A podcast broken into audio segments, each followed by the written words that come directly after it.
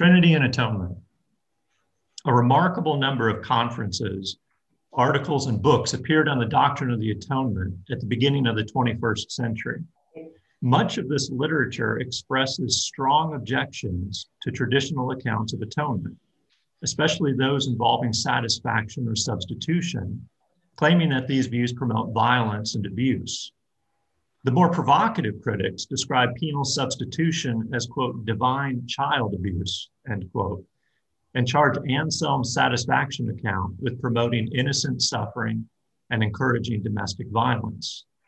More measured critics dismiss Anselm's understanding of the atonement as embedded in his own culture, and penal substitution as inconsistent and incoherent on Trinitarian logical grounds. My question is what are the Trinitarian difficulties identified by these critics? According to Joel Green and Mark Baker, two of the more measured critics on the topic, those who charge Anselm with a quote, divine child abuse model of the atonement, end quote, see him presenting a quote, wrathful God punishing his son, end quote. If the Father in his wrath punishes the Son for our sins, then these critics argue you have the Father as subject acting upon the Son as object, and this divides the persons of the Trinity and undermines the unity of God. Green and Baker conclude that all satisfaction or penal substitution accounts of the atonement distort the character of God and undermine the unity of Father and Son by dividing their work.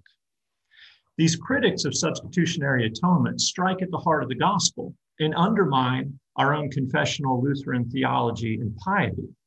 They reject what Lutherans explicitly confess in Augsburg Confession 3, where it is written, It is taught among us that there is one Christ, true God and true man, who was truly born, suffered, was crucified, died, and was buried, in order to be a sacrifice, not only for original sin, but also for all other sins and to propitiate God's wrath. End quote. We need to bear in mind that these critics not only dismiss substitutionary atonement, but also the church's orthodox Christology and commitment to the inspiration and inerrancy of the scriptures. They would dismiss, in other words, far more of Augsburg Confession 3 than just the language of propitiation. Given these significant differences, how shall we respond? I will focus on the Trinitarian and Christological issues raised by these critics. Does substitutionary atonement render our Trinitarian theology inconsistent and incoherent? I will answer that question in three parts. I start in part one by briefly rehearsing the Lutheran approach to the Trinity. Admittedly, there is nothing uniquely Lutheran about this, other than the sources I plan to use. A similar approach could be shown with the Cappadocians or Augustine. In other words, the Lutheran approach is the approach of the Church Catholic as found among the Fathers and the Reformers. Part two will show how the theological resources and insights of the broader church, as received by our Lutheran fathers, assist us in answering the above objections. I'm especially interested in the basic teaching on the Trinity that was taught in the medieval and Reformation classroom. For many today, this material is either unknown or ignored. For nearly 1500 years, it was the basic stuff of teaching and preaching on the Trinity and Christ. Part of the problem with the contemporary critics of the atonement is that they do not know what they're talking about. They reject an understanding of the Trinity that no Orthodox theologian teaches. They impugn orthodoxy by rejecting heterodoxy. Part one and part two of this essay will present how the faithful reflect on the Trinity and explain the basic scriptural commitments of the church's faith on the Trinity and the saving work of Christ. Part three will test our Orthodox commitments by looking at one of the most difficult scriptural passages on the Trinity and atonement Christ's cry of dereliction from the cross. My God, my God, why have you forsaken me? What does it mean for the Son to be forsaken or abandoned by the Father? Does the cry of dereliction divide the Father and the Son? Can we affirm both the unity of God and the Son's cry of dereliction? Can we, in other words, confess both the Trinity and atonement? Part one the Lutheran approach to the Trinity. Scripture determines the way we talk about God. To know God according to the scriptures is to recognize that God is subject, not object, that his work, particularly his proper work of creation and salvation, determines our right knowing and understanding of him, indeed, makes it possible. This is not a commitment readily shared with those critical of substitutionary atonement, or even with those identifying with the Trinitarian revival of the 20th century, and yet, this is the theological posture of confessional Lutheranism. We receive God's revelation of himself and his work for us on his terms and not our own. Lutherans know the Trinity, as the fathers did, through the economy of salvation. In his explanation of the Apostles' Creed, Martin Luther explains, quote, Neither you nor I could ever know anything of Christ or believe in him and take him as our Lord unless these were first offered to us and bestowed on our hearts through the preaching of the gospel by the Holy Spirit. Again, Luther states, quote, we could never come to recognize the Father's favor and grace were it not for the Lord Christ, who is a mirror of the Father's heart. Apart from him, we see nothing but an angry and terrible judge. But neither could we know anything of Christ had it not been revealed by the Spirit. End quote. It is the second article of the Creed that makes possible our right understanding of the first article. And it is by means of the third article that we come to know and confess the second article. Luther's approach to the Trinity privileges Christ, the true Son of God, as the center of Scripture and the one through whom alone we know God the Father. Likewise, no one knows the Son, confessing him as Lord, except by the Holy Spirit, whom the Father and Son send to work faith through the means of grace. As our catechism states, we cannot by our own reason or strength believe in Jesus Christ, our Lord, or come to him. We may only do this by the Holy Spirit who calls us by the gospel, enlightens us with his gifts, sanctifies and keeps us in the true faith. Here we see for Luther that person and work go together. To know one is to know the other. This means that to know the Son always involves who he is. He is the Christ, the Son of the living God, Emmanuel, David's Son and Lord, and what he does. He is the world's Redeemer, reconciler, justifier, propitiator, and Savior. Our right knowing and speaking about the Father, according to Scripture, can only ever be through the Son by the Holy Spirit. This means the center of our Trinitarian thought is always and necessarily Christological and evangelical. To know the Son is to know the Father and the Holy Spirit. Apart from the Son, there is no knowledge of God, no knowledge of the Trinity. By pursuing the identity of our triune God through Christ, we begin at the cross where this becomes possible. At this unexpected place, we not only come to know the Son most clearly and rightly, but also the Father and the Spirit. It is at the cross that we see and hear the love of God the Father, the Son, and the Holy Spirit most vividly and strikingly. The Son who cries out to the Father, Why have you forsaken me? also declares, It is finished. He utters both for us and our salvation. Here the Son bears my sins and all its consequences. Here the Father removes his wrath and condemnation from me. This perfect reconciliation becomes mine through the working of the Holy Spirit, who convinces the world of sin and righteousness, and by whose power we all, as adopted sons and heirs, confess Christ as Lord to the glory of the Father. To approach the question of how we know the triune God in this manner is to emphasize the gospel and justification by faith as the proper lens, the necessary spectacles through which we rightly know and confess the Trinity.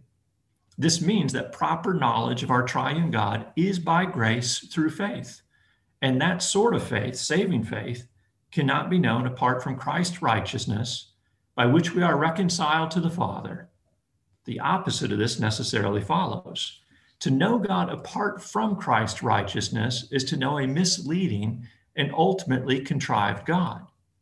It is by justifying faith that we rightly know the Son, who alone reveals to us the Father, becoming, as Luther puts it, a mirror of the Father's heart. And all this by the grace and working of the Holy Spirit through word and sacrament. Since this is the case, knowing God rightly demands that God make himself known to us. And this he does in surprising places. The creator of the heavens and the earth is worshiped as king as he lies in a manger in the little town of Bethlehem. The same creator who upholds all of creation by the word of his power sends forth a cry of dereliction from Calvary's cross. In the estimation of human reason, the manger and the cross are unlikely places to find the Lord of glory. And yet it is in these humble places that faith beholds God on his own terms. Luther writes, quote, let us go to the child lying in the lap of his mother Mary and to the sacrificial victim suspended on the cross. There we shall really behold God, and there we shall look into his very heart. End quote. Theologians seeking to know the triune God of Scripture will find themselves in humble places. Part two Trinity and the saving work of the Son. First, atonement as the common work of the Trinity. Among the many objections raised by critics of substitutionary atonement, the one frequently voiced is that it divides the persons of the Trinity by pitting the justice of the Father against the love of the Son. One critic puts the matter succinctly quote, In the penal substitution perspective, the cross involves the Father acting against and upon the Son, and so reveals God divided against himself. End quote. This, of course, is not an actual view held by any Orthodox theologian, but rather the critic's own conclusion. Saying something, however, does not make it true. The accusation arises from a misunderstanding of divine unity and the common and inseparable works of the Trinity. The Church Catholic, the Fathers, medieval schoolmen, and Lutheran reformers all insist that the work of salvation is the common work of Father, Son, and Holy Spirit. And yet, the Son alone suffered, died, and rose again for our justification. How do these two truths hold together, and how do they help us better confess the saving work of Father, Son, and Holy Spirit, especially against the false assertions and accusations of contemporary critics of the atonement? Martin Luther and the Lutheran dogmaticians used the baptism of Christ to explain the doctrine of common and inseparable works in their classroom lectures and sermons. Their choice of scriptural text is deliberate. Augustine uses the baptism of Christ in numerous works and sermons to show the common and inseparable works of the Trinity. Peter Lombard incorporated Augustine's insights into his sentences. From that point forward, nearly every theologian in the Latin West used the baptism of Christ for this doctrine. In other words, the example used by our Lutheran fathers derives from the classroom and the church's basic teaching on the Trinity and the works of the divine persons. Now, at first glance, the baptism of Christ seems an unlikely and even counterintuitive text for demonstrating the common works of the Trinity. And yet, just for this reason, it is incredibly helpful for our current question on the atonement. At Christ's baptism, for example, Scripture presents the Father, the Son, and the Holy Spirit doing three identifiably distinct things. The Father speaks from heaven, the Son receives baptism, and the Holy Spirit descends in the form of a dove. Scripture presents the divine persons as separated from one another and doing different things. The opponents of substitutionary atonement present the mystery of the cross in just this way. They envision the Father doing one thing, the Son another, and presumably the Holy Spirit yet another. Augustine acknowledges the problem of the Trinity's separateness at the beginning of Sermon 52. He writes, I make bold to say, I say it timidly enough, but I still make bold to say it we have three apparently separable. These three are apparently separated by place, separated by function, separated by work. As soon as Augustine suggests the divine persons are separated by function and action, he voices strong objections on behalf of the congregation. They will say to him, quote, remember you're speaking as a Catholic, speaking to Catholics.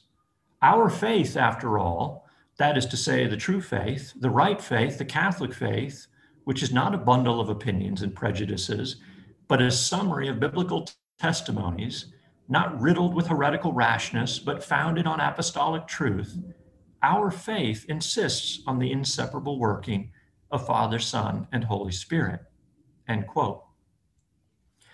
After voicing these concerns, Augustine simply asks, So what are we to do? Augustine often comments on how noisy his congregation gets during his preaching. Not this time. This time, their attention is undivided, as Augustine describes a divided Trinity. So Augustine begins by showing his congregation how Scripture presents the common works of the Father and the Son. Scripture says, All things were made through the Son by the Father. This means, explains Augustine, the Father does nothing without the Son, and the Son nothing without the Father.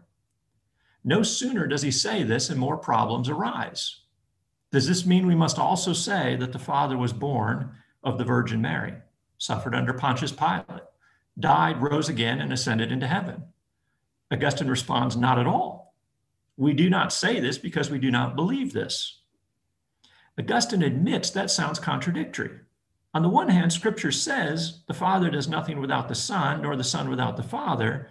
On the other hand, scripture says the Son and not the Father was born of the Virgin Mary, suffered under Pontius Pilate, died, rose again, and ascended into heaven. So, which is it? Do they work inseparably or not? The answer, which I mentioned earlier, becomes the church's standard classroom answer, is not picking one option over the other but rather rightly understanding what the words mean.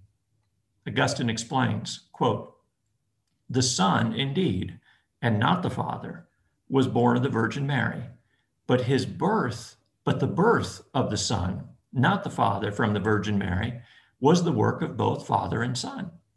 It was not the Father, but the Son who suffered. Yet the suffering of the Son was the work of both Father and Son. It wasn't the Father who rose again, but the Son. Yet the resurrection of the Son was the work of both Father and Son. End quote. Augustine now turns to Scripture. St. Paul writes, But when the fullness of time had come, God sent forth his Son, born of woman, born under the law, to redeem those who were under the law, so that we might receive adoption as sons. Galatians 4. According to Scripture, the birth of the Son was the work of the Father. But Augustine observes that Paul also writes Christ Jesus, who though he was in the form of God, emptied himself by taking the form of a servant, being born in the likeness of men. Philippians 2. According to Scripture, the birth of the Son was also the work of the Son. What about the Son's passion? St. Paul writes that the Father, quote, did not spare his own Son, but gave him up for us all. Romans 8. Paul also writes, It is no longer I who live, but Christ who lives in me. And the life I now live in the flesh, I live by faith in the Son of God, who loved me and gave himself for me. Galatians 2. The Father gave up the Son for us. The Son gave himself up for us. Augustine ends by showing how Scripture assigns the resurrection to both the Father and the Son. These scriptures show for Augustine the distinction of the divine persons and the unity of their work for our salvation. What does this mean? It means that only the Son and not the Father or the Spirit was born of the Virgin Mary, and yet the birth was the work of Father, Son, and Holy Spirit. Only the Son and not the Father or the Spirit suffered and died upon the cross. And yet, the work of the cross was the work of Father, Son, and Holy Spirit. The medieval schoolmen and our Lutheran reformers frequently rehearse these arguments from Augustine in their classroom teaching, their preaching, and their writing on the common and inseparable works of the Trinity. Atonement as proper work of the Son. Although the work of salvation belongs to the indivisible nature, power, and will of Father, Son, and Holy Spirit, such that the Father saves, the Son saves, and the Holy Spirit saves, it was nonetheless the Son alone, and not the Father or Holy Spirit, who assumed humanity, bore our sin, suffered, died, and rose again. How do we understand the proper work of the Son upon the cross without dividing the works of the Trinity or pitting the Father against the Son? Philip Melanchthon addresses this very issue in his unfinished explanation of the Nicene Creed. At the end of his discussion of the second article of the Creed, Melanchthon notes that some wonder if salvation is the common work of the Trinity or if it belongs to Christ alone. He shows the difficulty of this question with a syllogism. Major premise the works of the Trinity ad extra to the outside are undivided. Minor premise salvation is a work ad extra. Conclusion Therefore, the Father, Son, and Holy Spirit work in the same way for our salvation, and it is said improperly concerning Christ. He crushed the head of the serpent, Genesis 3. Since salvation is an external work, and since all Catholic theologians confess that the external works of the Trinity are necessarily undivided, because the divine persons are undivided in nature, power, and will, it must be the case that the Father, Son, and Holy Spirit work our salvation in the same way. This immediately presents a problem for Melanchthon. The Son alone assumed human nature. He alone suffered and died on the cross and crushed the head of the serpent. Neither the Father nor the Holy Spirit may be said to have done this. By stating the problem in just this way, Melanchthon aligns himself with the Augustinian tradition discussed above? Well, Melanchthon begins his answer by clarifying the Catholic rule attributed to Augustine on the inseparable works of the Trinity. Melanchthon writes, quote, the works of the Trinity ad extra are undivided, preserving, of course, the property of each person, end quote. Melanchthon's final phrase is significant the common work of the divine persons does not obscure the distinction of the divine persons, which is to say, their work does not obscure in any way the unique and incommunicable personal property belonging to the Father alone, the Son alone, and the Holy Spirit alone. Melanchthon's point is more of a warning. We must never reduce the common work of the Trinity to their common essence and say only that the undifferentiated divine nature accomplishes these acts or those works. That would be inconsistent with scripture in lazy theology. There is only ever the Father, Son, and Holy Spirit who act inseparably and irreducibly by the power and will of their indivisible nature. Further, these divine persons act only and always as they are, as the Father, as the Son, and as the Holy Spirit, never separately or serially, but only ever as the unbegotten Father, who eternally begets the Son and breathes forth the Holy Spirit, as the only begotten Son, who is eternally begotten of the Father, and who with the Father breathes forth the Holy Spirit, and as the Holy Spirit, who eternally proceeds from the Father and the Son. To make all of this clear, Melanchthon adds the decisive final clause to Augustine's rule, preserving, of course, the property of each person. Melanchthon, incidentally, is the first theologian to attach that phrase to the end of Augustine's rule, and it is throughout the Lutheran and Reformed dogmaticians in the 16th and 17th century. Why is Melanchthon's addition to Augustine's rule so important? Melanchthon explains this by highlighting three important theological truths First, the Son alone assumed human nature and not another divine person. Two, the Father sent the Son and the Holy Spirit. And finally, three, quote, the Son acts not by himself, but through himself. Agit filius non a se sed per se. Melanchthon's statements are shorthand expressions for larger Trinitarian discussions among the schoolmen. His final comment is especially significant for our question on the atonement. The distinction between the Son not working by himself, but through himself, comes from Hilary of Poitiers. Hilary writes, quote, the Son acts through himself in such a way that he does not act by himself, and that he does not act by himself in such a way that he acts through himself. Grasp the fact that the Son acts and the Father acts through him.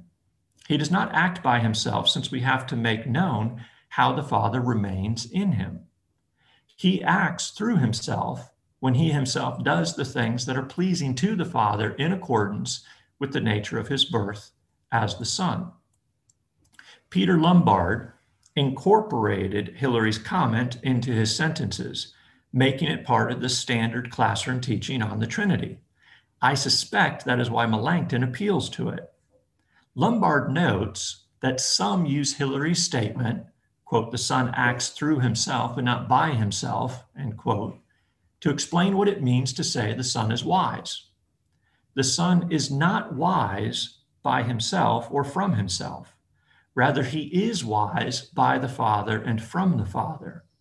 His wisdom, like his being, his power, his acts, are eternally from the Father. Since the Father and Son are one in essence, you cannot say that the Son is wise by himself or acts by himself, as that would divide the essence and require two wills, two powers, and two natures. When we say the Son is wise or that the Son acts, we understand this is true of the Son as he is. He acts and he does as he is, which is to say, as the eternally begotten Son of the Father. Melanchthon's statement that the Son acts by him, not by himself, but through himself, alerts the reader to this broader scholastic and patristic commitment to rightly distinguishing the persons in their inseparable works. The Son never acts apart from the Father or the Holy Spirit. With this in mind, continues Melanchthon, we rightly say that the Father saves and makes alive through the Son. This order of working, which corresponds to the order of the persons, preserves their personal property and eternal distinction, and informs our understanding of their mutual and inseparable working for us according to their indivisible nature, power, and will. Part three the Trinity and the cry of dereliction. If the atonement is the common work of the Trinity and the proper work of the Son for us and our salvation, as the church has always confessed, always preached, and always taught in the classroom, then how do we understand the cross and specifically the cry of dereliction? Here we encounter real difficulty and enter deeply into the mystery of the Trinity and our salvation. In the Passion narratives of St. Matthew and St. Mark, Christ cries out from the cross, My God, my God, why have you forsaken me? Jesus, the very Son of God, eternally begotten of the Father, attributes God forsakenness and abandonment to himself. What does it mean for God to abandon God? How may we affirm the common and proper work of the divine persons as explained above and say that the Son and Father, in some sense, abandon one another? Are the contemporary critics of substitutionary atonement right? Are the Father and Son divided from one another at the cross, severing the unity of God? These are serious questions for anyone concerned with Scripture and the Orthodox doctrine of the Trinity. Well, how did the Fathers and our Lutheran reformers, committed to Nicaea and Chalcedon, understand the cry of dereliction? Cyril of Alexandria, much like our dear Martin Luther, revels in the provocative language of Scripture that ascribes divine attributes to the man Jesus and human attributes to the divine Son. When considering all that Scripture says about the incarnate Son of God, that he becomes flesh, that he suffers and dies, that he fears, that he becomes sin and a curse for us, the reader of Scripture, insists Cyril, must distinguish between what the Son becomes to transform and heal and what he becomes to destroy and overcome. The Son becomes flesh to transform it, to heal it, to render it imperishable and incorruptible. The Son becomes sin and curse to destroy it, to overcome it, to defeat that which separates us from God. Christ truly assumed human nature and became flesh. Christ also truly became sin and a curse for us. He did not, however, become sin in the same way he became flesh. Cyril uses this insight to explain Christ's cry of dereliction. The consequence of sin is separation from God. The cry of dereliction from the cross shows that Christ bears the full weight of this sin for us. Cyril's point is this Christ becomes sin and curse to undo and overcome our sin and the curse of the law. Similarly, Christ takes upon himself our abandonment and overcomes it by his obedience and complete submission for us. He utters these words from the cross, quote, as one of us and on behalf of all our nature, end quote. All of this indicates the Son's true humanity and true saving work for us. The faithful find comfort in Christ's cry of dereliction because it shows us that our sin, our abandonment of God, rests upon Him. And because we also hear, it is finished. Our warfare is ended, our iniquity pardoned. Although many modern theologians find Cyril's exegesis unsatisfying, it represents a broad patristic insight on the atonement. Cyril's argument appears already in Gregory of Nazianzus and passes to the Latin West by way of John of Damascus. John distinguishes Cyril's point grammatically. The Son becomes flesh essentially, but sin and curse relatively. John explains, I quote, there are two appropriations one that is natural and essential, and one that is personal and relative. The natural and essential one is that by which our Lord, in his love for man, took on himself our nature and all our natural attributes, becoming in nature and truth man, and making trial of that which is natural. But the personal and relative appropriation is when anyone assumes the person of another relatively, for instance, out of pity or love, and in his place utters words concerning him that have no connection with himself. And it was in this way that our Lord appropriated both our curse and our desertion, and such other things as are not natural. Not that he himself was or became such, but that he took upon himself our person and ranked himself as one of us. End quote. For John, Christ's cry of dereliction like becoming sin and curse, belongs to him relatively and shows the truth of the incarnation and his saving work for us. Thomas Aquinas incorporates the insights and distinctions made by Cyril and John into his consideration of the cross. Thomas emphasizes that Jesus speaks for us and in our person from the cross, but further insists that Christ speaks for himself too.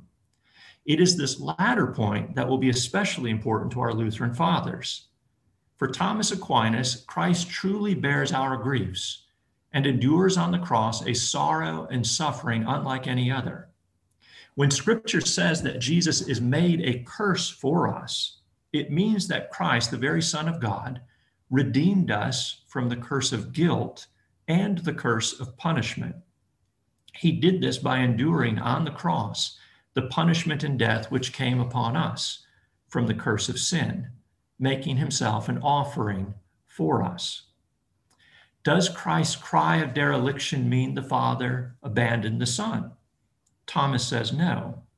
He writes, quote, such forsaking is not to be referred to the dissolving of the personal union, but to this, that God the Father gave him up to the passion. Hence, to forsake means simply not to protect from persecutors, end quote. Thomas's comment brings together two further commitments from Cyril and John. The cry of dereliction does not dissolve the personal union or divide the Father and the Son, but rather indicates a divine permission that allows Jesus to bear the sorrow and suffering of the cross, but also sustains him to do so. What does Luther say?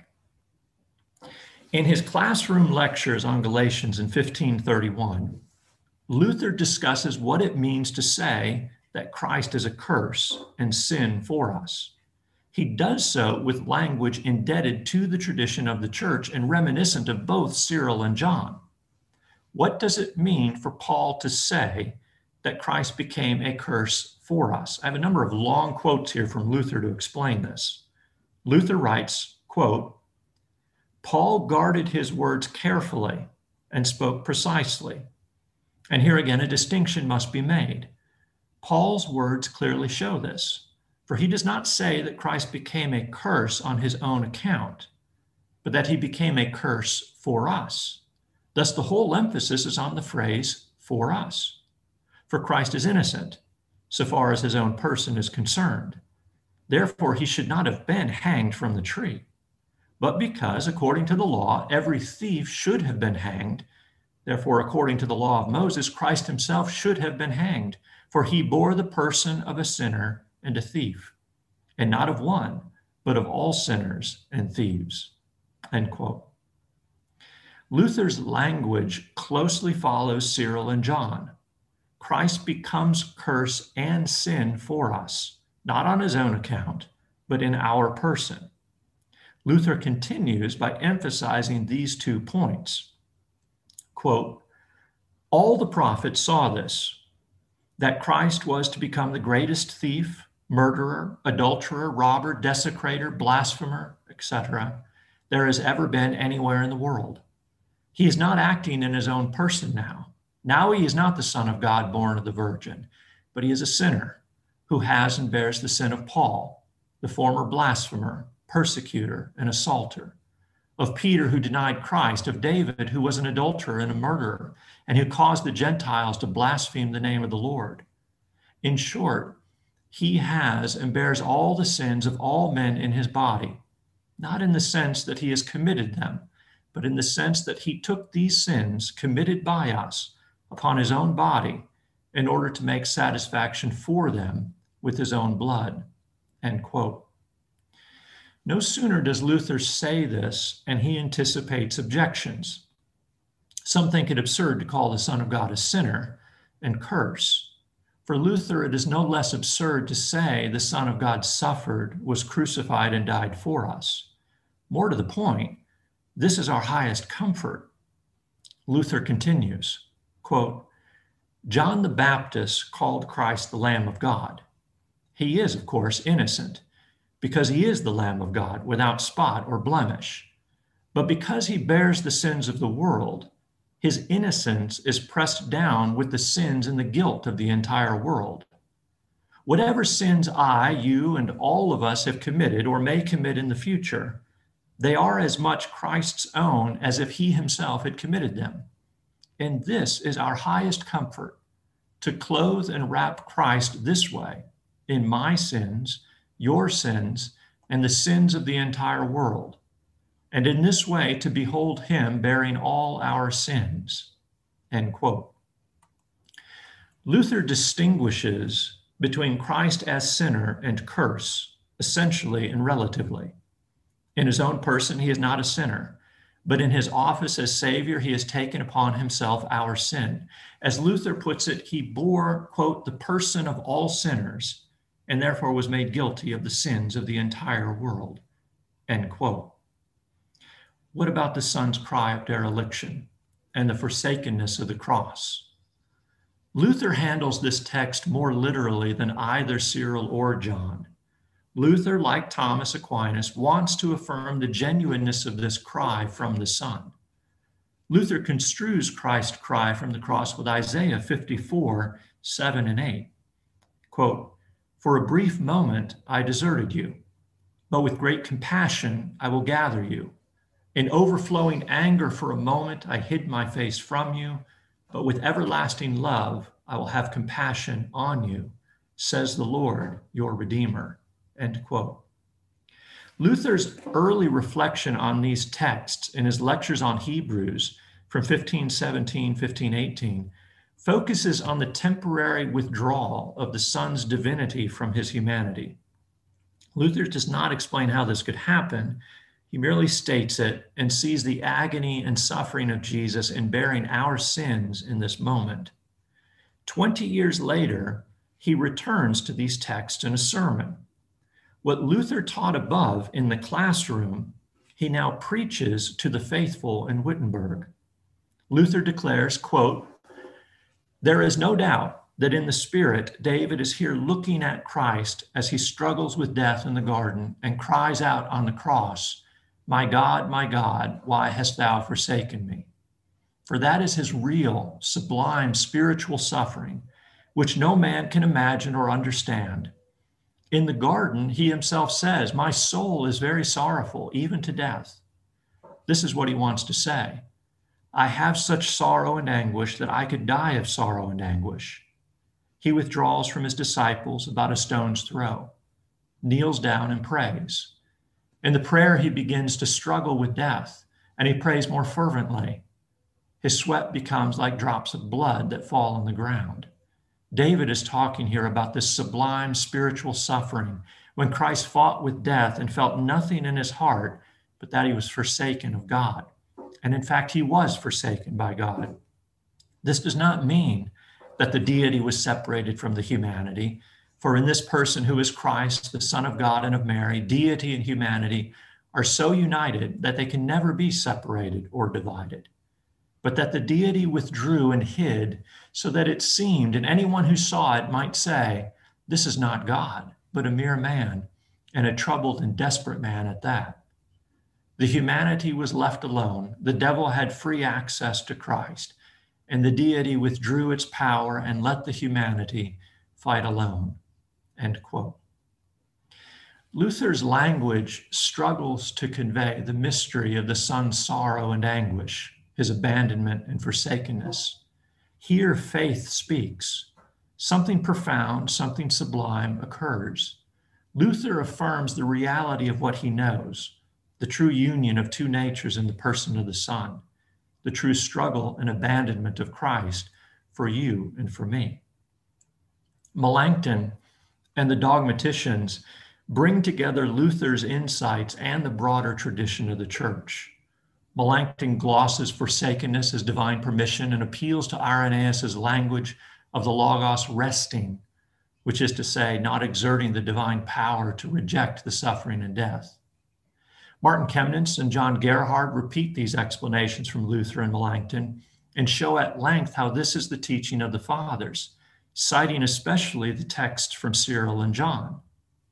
The dogmaticians use the language of resting and divine permission to explain the cry of dereliction, but also emphasize the unity of Christ's natures in the work of the cross. Martin Chemnitz explains this at length both the divine and human natures were active and at work, so to say, for us on the cross. Chemnitz writes, quote, it is one thing to speak of the suffering and death of Christ as a property of the human nature. And it is another thing that through this suffering and death, the wrath of God is placated, the head of the serpent crushed, death destroyed, life restored, and captives liberated. For these are all activities of the divine power and they are not accomplished apart from the flesh. End quote. The cross and all that it entails is the work of Jesus Christ, true God and true man, the very Son of God, begotten of the Father in eternity, born of the Virgin Mary in time. Although a profound mystery, the cross reveals not a separation or division of the divine persons, not a breach of divine unity, but in a sublime way, both the common work of the Trinity and the proper work of the Son for our salvation. Conclusion St. Paul writes, quote, We preach Christ crucified, a stumbling block to the Jews and folly to the Gentiles. When St. Paul addresses the divisions in Corinth, he begins with the folly of the cross. He doesn't begin with the moral failures of the church in Corinth. He begins with what it means to be a believer. It begins with the cross and the confession that the one upon the cross is the very power and wisdom of God.